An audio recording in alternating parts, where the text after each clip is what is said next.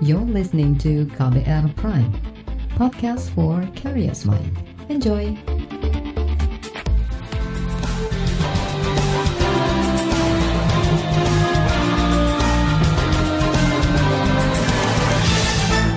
Halo saudara, senang sekali kami bisa menyapa Anda kembali dalam program KBR Sore, edisi Kamis 18 Februari 2021.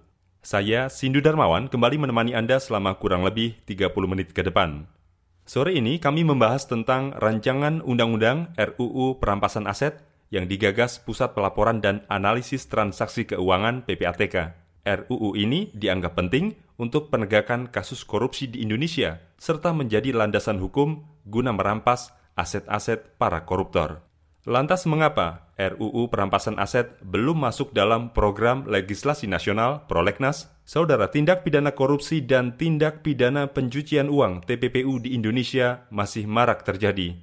Bahkan saat pandemi COVID-19 melanda, masih ada sejumlah pejabat tinggi negara ditangkap karena diduga korupsi. Pusat Pelaporan dan Analisis Transaksi Keuangan PPATK mencatat upaya perampasan aset hasil tindak pidana korupsi masih belum optimal. Padahal ini menjadi salah satu upaya memberantas korupsi. Hingga kini, aturan yang mengatur tentang perampasan atau penyitaan aset pidana korupsi dan TPPU belum memiliki payung hukum. Kepala Pusat Pelaporan dan Analisis Transaksi Keuangan PPATK, Dian Ediana Rai, meminta Menteri Hukum dan HAM, Yasona Lauli, mendorong pengesahan RUU Perampasan Aset ke DPR. PPATK mengaku RUU tersebut telah disusun sejak 2008. Berikut penjelasan Ketua Kelompok Hubungan Masyarakat PPATK Natsir Konga kepada KBR. Jadi tanggal 15 Februari kemarin, Bapak Kepala PPATK, Bapak Dian Ediana Rai, sama dengan Menteri Hukum dan HAM, Bapak Yesona Alauli melakukan pertemuan membahas berbagai hal yang antara lain tentang perluasan penyidikan penyidik Undang-Undang Tindak Pidana Pencucian Uang. Kemudian juga dibahas hal-hal terkait dengan RUU perampasan aset yang sudah beberapa waktu lalu ini uh, belum juga dibahas di DPR untuk diundangkan ya.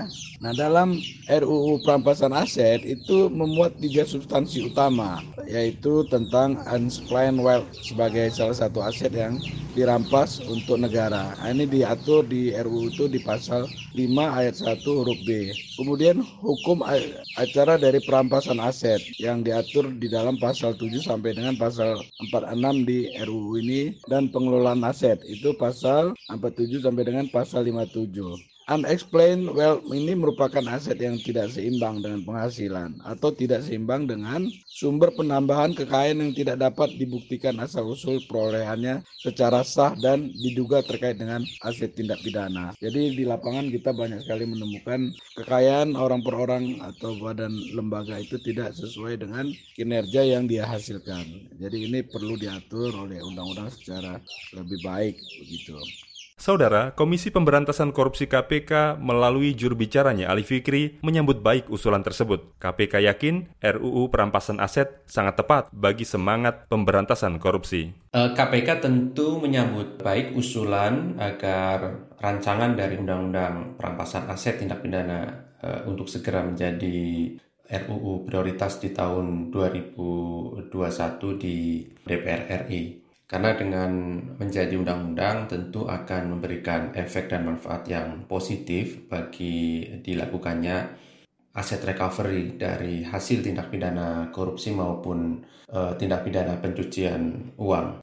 Bagi KPK sendiri, uh, ketika menangani tindak pidana korupsi, uh, tentu tidak hanya terbatas pada penerapan sanksi pidana ya, berupa pidana badan yaitu penjara, tetapi akan lebih memberikan efek eh, jerah yang bagus bagi para pelaku tindak pidana korupsi maupun eh, tindak pidana pencucian uang apabila kemudian juga dilakukan perampasan aset hasil tindak pidana korupsi yang dinikmati oleh para koruptor. Perampasan aset dari para pelaku korupsi yang kemudian pada gilirannya diserahkan kepada kas negara tentu ini bisa dipergunakan untuk pembangunan dan juga kemakmuran uh, rakyat. Hasil riset KBR mencatat ada beberapa kasus korupsi yang asetnya gagal disita KPK. Salah satunya adalah kasus Tubagus Hairiwardana alias Wawan. Kala itu, KPK gagal merampas sejumlah aset Wawan karena hakim menilai tersangka tak terbukti melakukan tindak pidana pencucian uang. Kasus lainnya adalah kasus Hakim Syarifuddin yang mengajukan banding atas penyitaan sejumlah aset bukti oleh KPK. Syarifuddin menggugat KPK dengan pasal perampasan barang bukti yang tidak sesuai dengan dakwaan. Terbaru, adalah kasus bekas Sekretaris Mahkamah Agung MA Nur Hadi. KPK pernah mengaku kesulitan melacak aset milik Nur Hadi. Pada bagian berikutnya, kita akan simak laporan khas KBR bertajuk Indeks Persepsi Korupsi Indonesia turun 3 poin. Simak laporannya usai jeda, tetaplah di KBR Sore. You're listening to KBR Pride, podcast for curious mind. Enjoy!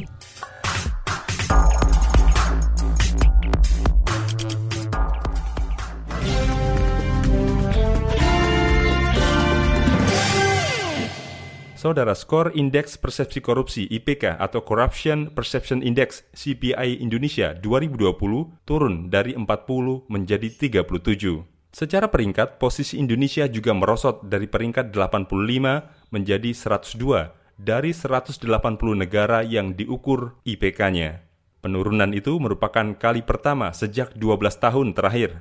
Berikut laporan khas KBR bersama Mutia Kusuma Wardani. Indeks persepsi korupsi Indonesia di 2020 lalu merosot drastis jika dibandingkan dengan negara-negara di Asia Tenggara. Berdasarkan catatan Lembaga Transparansi Internasional Indonesia TII, indeks persepsi korupsi Indonesia masih di bawah Singapura, Brunei Darussalam, Malaysia, dan Timor Leste. Indonesia bahkan ada di peringkat ke-102 dari 180 negara yang diukur indeks persepsi korupsinya. Menurut manajer riset Transparansi Internasional Indonesia Wawan Suyatmiko, turunnya IPK Indonesia membuktikan kebijakan ekonomi dan investasi harus tetap memperhatikan faktor integritas agar tindak pidana korupsi bisa dicegah. Yang pertama adalah terkait dengan isu ekonomi dan investasi. Secara umum, beberapa indikator penyusun CPI yang berhubungan dengan sektor ekonomi, investasi, dan kemudian berusaha mengalami stagnasi seperti tadi yang di World Economic Forum Executive Opinion Survey, dan bahkan mayoritasnya turun. Ada di PRAS, ada di IMD, ada di Global Insight, dan uh, Political Economy Risk Konsultasi. Turun pada tahun 2020. Lembaga Transparansi Internasional Indonesia melihat turunnya skor IPK Indonesia juga disebabkan stagnannya indikator penyusun IPK yang berhubungan dengan sektor ekonomi, investasi, dan kemudahan berusaha, termasuk indikator politik dan demokrasi yang menandakan sektor politik masih rentan terhadap korupsi. Sedangkan Komisi Pemberantasan Korupsi KPK menilai turunnya indeks persepsi korupsi Indonesia sebanyak tiga poin dapat dipersepsikan bahwa negara ini relatif tidak serius dan tidak konsisten dalam upaya pemberantasan korupsi. Juru bicara KPK Ipi Mariati mengatakan penurunan peringkat Indonesia dalam indeks persepsi korupsi juga menandakan Indonesia masih dinilai sebagai negara koruptif. Karenanya pemberantasan korupsi tidak boleh berhenti pada tataran jargon atau slogan semata Demikian juga dengan sistem reformasi birokrasi jangan berhenti sebatas slogan atau tataran administratif saja. Penting untuk membangun aksi kolaboratif antara negara dan masyarakat serta seluruh elemen bangsa. Berdasarkan hasil studi dan penelitian di sektor politik yang dilakukan Komisi Pemberantasan Korupsi KPK, lemahnya sistem politik di Indonesia, khususnya partai politik, menjadi epicentrum korupsi di negara ini. Wakil Ketua KPK Nurul Gufron menyebut sistem politik di Indonesia saat ini menjadi iklim yang subur bagi tumbuh dan berkembangnya politik yang koruptif. Memang mau melihat akarnya karena namanya proses uh, proses akumulasi kekuasaan dari rakyat kepada uh, pada pemerintah itu awalnya dari proses politik. Selama proses politiknya adalah demokrasinya demokrasi demokrasian sudah benar ada ada pemilu. Sudah benar peserta pemilunya itu parpol sudah benar peserta pemilunya rakyat Indonesia, tapi semuanya kan e, berjalan secara tidak substantif, hanya formalis semua. KPK juga mendorong praktik-praktik pemerintahan yang baik yaitu penerapan tata kelola pemerintahan secara konsisten sehingga diharapkan dapat meningkatkan kualitas manajemen aparatur sipil negara. Selain itu juga meningkatkan tata laksana di lapangan meningkatkan kualitas pelayanan publik, dan meningkatkan akuntabilitas kinerja birokrasi di seluruh instansi pemerintah. Merosotnya indeks persepsi korupsi Indonesia tidak dianggap mengejutkan bagi Menteri Koordinator Politik Hukum dan Keamanan Mahfud MD. Ia beralasan persepsi korupsi tidak menunjukkan fakta yang sebenarnya. Data ini adalah data sampai Oktober Oktober tahun 2020 gitu. Saya tidak tahu apakah penegakan hukum dan pemberantasan korupsi itu akan eh, naik Eh, indeksnya, indeks persepsinya, kalau sudah dicakupkan sampai ke Desember. Misalnya karena pada waktu itu kita menangkap, KPK menangkap uh, dua menteri ya, kelautan dan menteri sosial gitu. Demikian laporan khas KBR disusun Mutia Kusumawardani. Saya Agus Lukman. Saudara Kementerian Hukum dan HAM Kemenkumham menyatakan tidak menutup kemungkinan RUU perampasan aset bisa masuk program legislasi nasional prolegnas. Selengkapnya, simak paparan dari Kemenkumham dan DPR RI sesaat lagi. Tetaplah di KBR Sore. You're listening to KBR Pride, podcast for curious mind. Enjoy!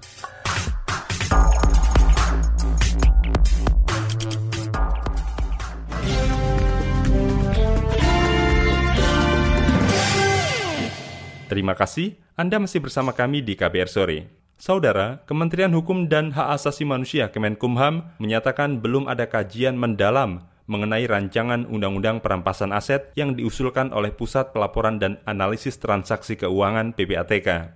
Juru bicara Kemenkumham, Tubagus Erif Faturahman mengatakan, pemerintah bisa mengusulkan RUU ini ke DPR agar dimasukkan ke prolegnas jika memang sudah dikaji mendalam dan dirasa perlu. Nah itu kan seperti saya bilang tadi, nanti eh, di antara unsur pemerintah sendiri yang terkait gitu kan membahas oh, RU ini gitu kan. Nah kalau kemudian nanti diputuskan bahwa RU ini memang urgen baru oleh pemerintah disampaikan ke DPR untuk ditetapkan sebagai bagian dari prioritas. Hmm. Jadi apakah itu uh, urgen apa tidak sementara ini uh, kita belum sampai sedalam itu karena kan belum ada kajian sedalam itu. Erif mengklaim Kemenkumham selalu terbuka menerima usulan dari pihak mana pun. Namun, terkait RUU perampasan aset yang diusulkan PPATK, Erif mengatakan belum menerima materi RUU tersebut. Kami belum melihat konten atau materi RUU itu. Itu pertama. Kedua, tapi kalau sekelas PPATK sendiri yang memungkinkan, eh, ya berarti setidaknya dari perspektif itu memang sangat gitu, Sementara itu, anggota Komisi Bidang Hukum DPR RI, Masinton Pasaribu, menyilakan masyarakat mendorong agar RUU perampasan aset dapat dibahas dalam program legislasi nasional prolegnas prioritas. Menurut Masinton, RUU ini penting untuk didorong bersama. Kekurangan lengkapan dalam instrumen anti korupsi ini seperti perampasan aset, nah itu harus kita dorong supaya uh, di DPR bersama pemerintah ya berkat dorongan teman-teman dari civil society, RUU perampasan aset ini bisa menjadi uh, dimasukkan dalam prolegnas dan menjadi undang-undang seperti itu. Masinton mengatakan kerugian negara akibat berbagai tindak pidana korupsi bisa dikembalikan jika RUU perampasan aset disahkan menjadi undang-undang. Negara perlu mencari formula bagaimana sih mengatasi persoalan ini. Kalau tidak ini akan menjadi pengulangan-pengulangan terus korupsi ini ya terutama di kalangan pejabat negara atau penyelenggara negara itu ya kasusnya sebagian besar itu penyuapan-penyuapan. Nah, bagaimana cara negara kan harus mencari formulanya nih gitu. Kalau tidak kita habis saja energi kita ya yang ditangkap skala korupsinya itu ya penyuapan. Nah, penyuapan itu ada yang berdampak pada aspek kerugian negara dan ada juga yang tidak ada kerugian negaranya. Cuman karena penyelenggara negara dia tidak boleh menerima pemberian lebih dari satu juta ya dianggap korupsi.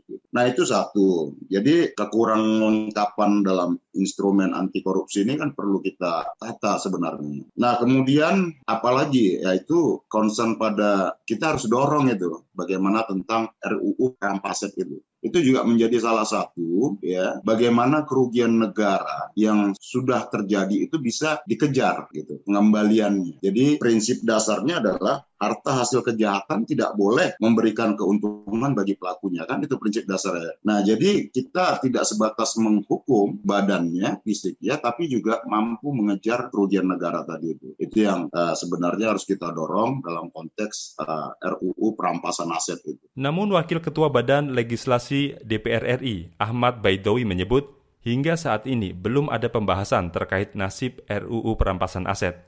Baidowi mengatakan Balik belum menerima usulan resmi terkait dimasukkannya RUU perampasan aset ke dalam prolegnas prioritas 2021. Saudara, Lembaga Pemantau Korupsi Indonesian Corruption Watch ICW menilai RUU ini mendesak untuk segera diusulkan ke DPR. Apa alasan ICW? Simak perbincangan dengan peneliti ICW Kurnia Ramadana sesaat lagi. Tetaplah di KBR sore. You're listening to KBR Pride, podcast for curious mind. Enjoy!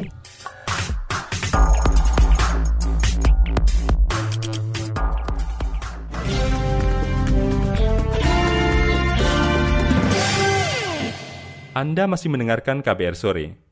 Saudara, Indonesia Corruption Watch ICW menyatakan rancangan Undang-Undang RUU Perampasan Aset perlu masuk program legislasi nasional Prolegnas. Menurut ICW, RUU ini dapat memulihkan ekonomi yang hilang karena tindak kejahatan ekonomi seperti korupsi. Selengkapnya, simak wawancara jurnalis KBR Siti Sadidah Hafsya dengan peneliti ICW Kurnia Ramadana. PPATK meminta Menteri Hukum dan HAM mendorong penetapan RUU perampasan aset dalam tindak pidana agar katanya memberikan efek jera pada pelaku kejahatan ekonomi. Bagaimana ICW melihat ini? Iya, benar. Jadi uh, korupsi itu kan bukan hanya dikategorikan sebagai extraordinary crime, akan tetapi juga termasuk sebagai financial crime atau kejahatan ekonomi. Sehingga konsekuensi dari pengkategorian tersebut, titik tekan penghukuman bagi pelaku kejahatan tidak terbatas hanya pada pemidanaan penjara saja, akan tetapi pemulihan kerugian keuangan negara itu menjadi sesuatu yang penting salah satu instrumen hukum yang dapat ditempuh dan terbukti ampuh di beberapa negara maju itu dengan menggunakan konsep rancangan undang-undang rampasan aset bagaimana yang disampaikan kepala PPATK beberapa waktu yang lalu. Kalau selama ini tuh sebenarnya bagaimana sih Mas proses pemulihan ekonomi akibat tindak korupsi yang sudah terjadi? selama ini kan begini ya. Jadi kalau isu pemulihan kerugian keuangan negara itu ada beberapa uh, cara ya. Yang pertama misalnya dikenakan uang pengganti sebagai pidana tambahan yang diatur dalam Undang-Undang Pemberantasan Tindak Pidana Korupsi tepatnya pasal uh, eh, 18. Kalau untuk isu tersebut ada gap yang sangat besar. Dalam catatan ICW pada semester 1 tahun 2020 itu kerugian keuangan negara mencapai 39 triliun. Akan tetapi, vonis pidana tambahan untuk menambal kerugian keuangan negara tersebut hanya 2,3 triliun. Kalaupun kita ingin merampas aset hasil kejahatan, itu menjadi problematika sendiri dalam peraturan perundang-undangan di Indonesia. Karena kalau mau menggunakan instrumen hukum perdata, maka kita harus menunggu terlebih dahulu proses pidananya selesai. Dan itu memakan waktu yang sangat panjang, baik di tahap penyidikan, penuntutan, ataupun di persidangan. Kalau tidak menggunakan instrumen itu, kita misalnya memungkinkan untuk menggugat aset hasil kejahatan, menunggu sampai terdakwa tersebut misalnya meninggal dunia ataupun tersangkanya juga meninggal dunia baru bisa digugat perdata. Nah, menggunakan instrumen perampasan aset ini kita tidak terbatas lagi, kita tidak tergantung lagi pada instrumen pemidanaan atau instrumen hukum pidana. Jadi kita tidak berbicara di sini soal pelaku lagi, tapi ketika penegak hukum mendeteksi sebuah aset yang diduga berasal atau dihasilkan dari kejahatan tertentu, salah satu kejahatan korupsi, maka aset tersebut dapat dijadikan objek pemeriksaan di persidangan. Nantinya penegak hukum mengumumkan siapa yang memiliki aset tersebut. Ketika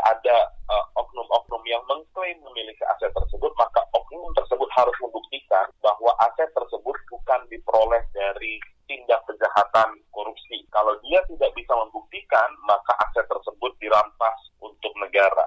RUU perampasan aset tadi bisa menghapus batasan-batasan yang tadi disebutkan. Berarti sebenarnya memang layak untuk masuk program legislasi nasional tahun ini, Mas ya?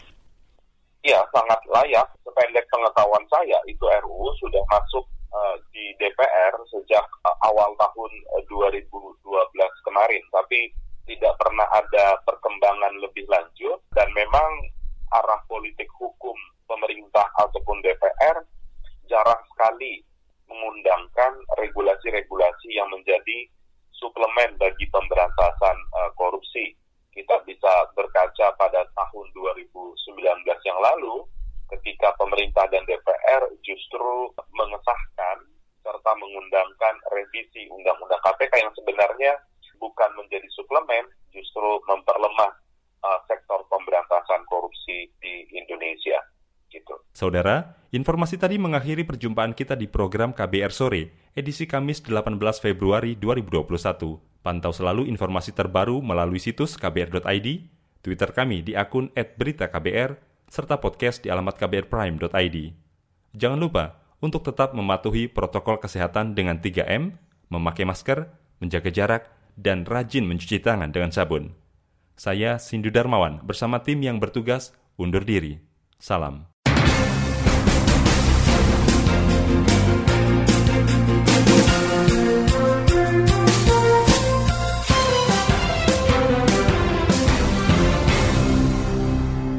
KBR Prime, cara asik mendengar berita. KBR Prime, podcast for curious mind.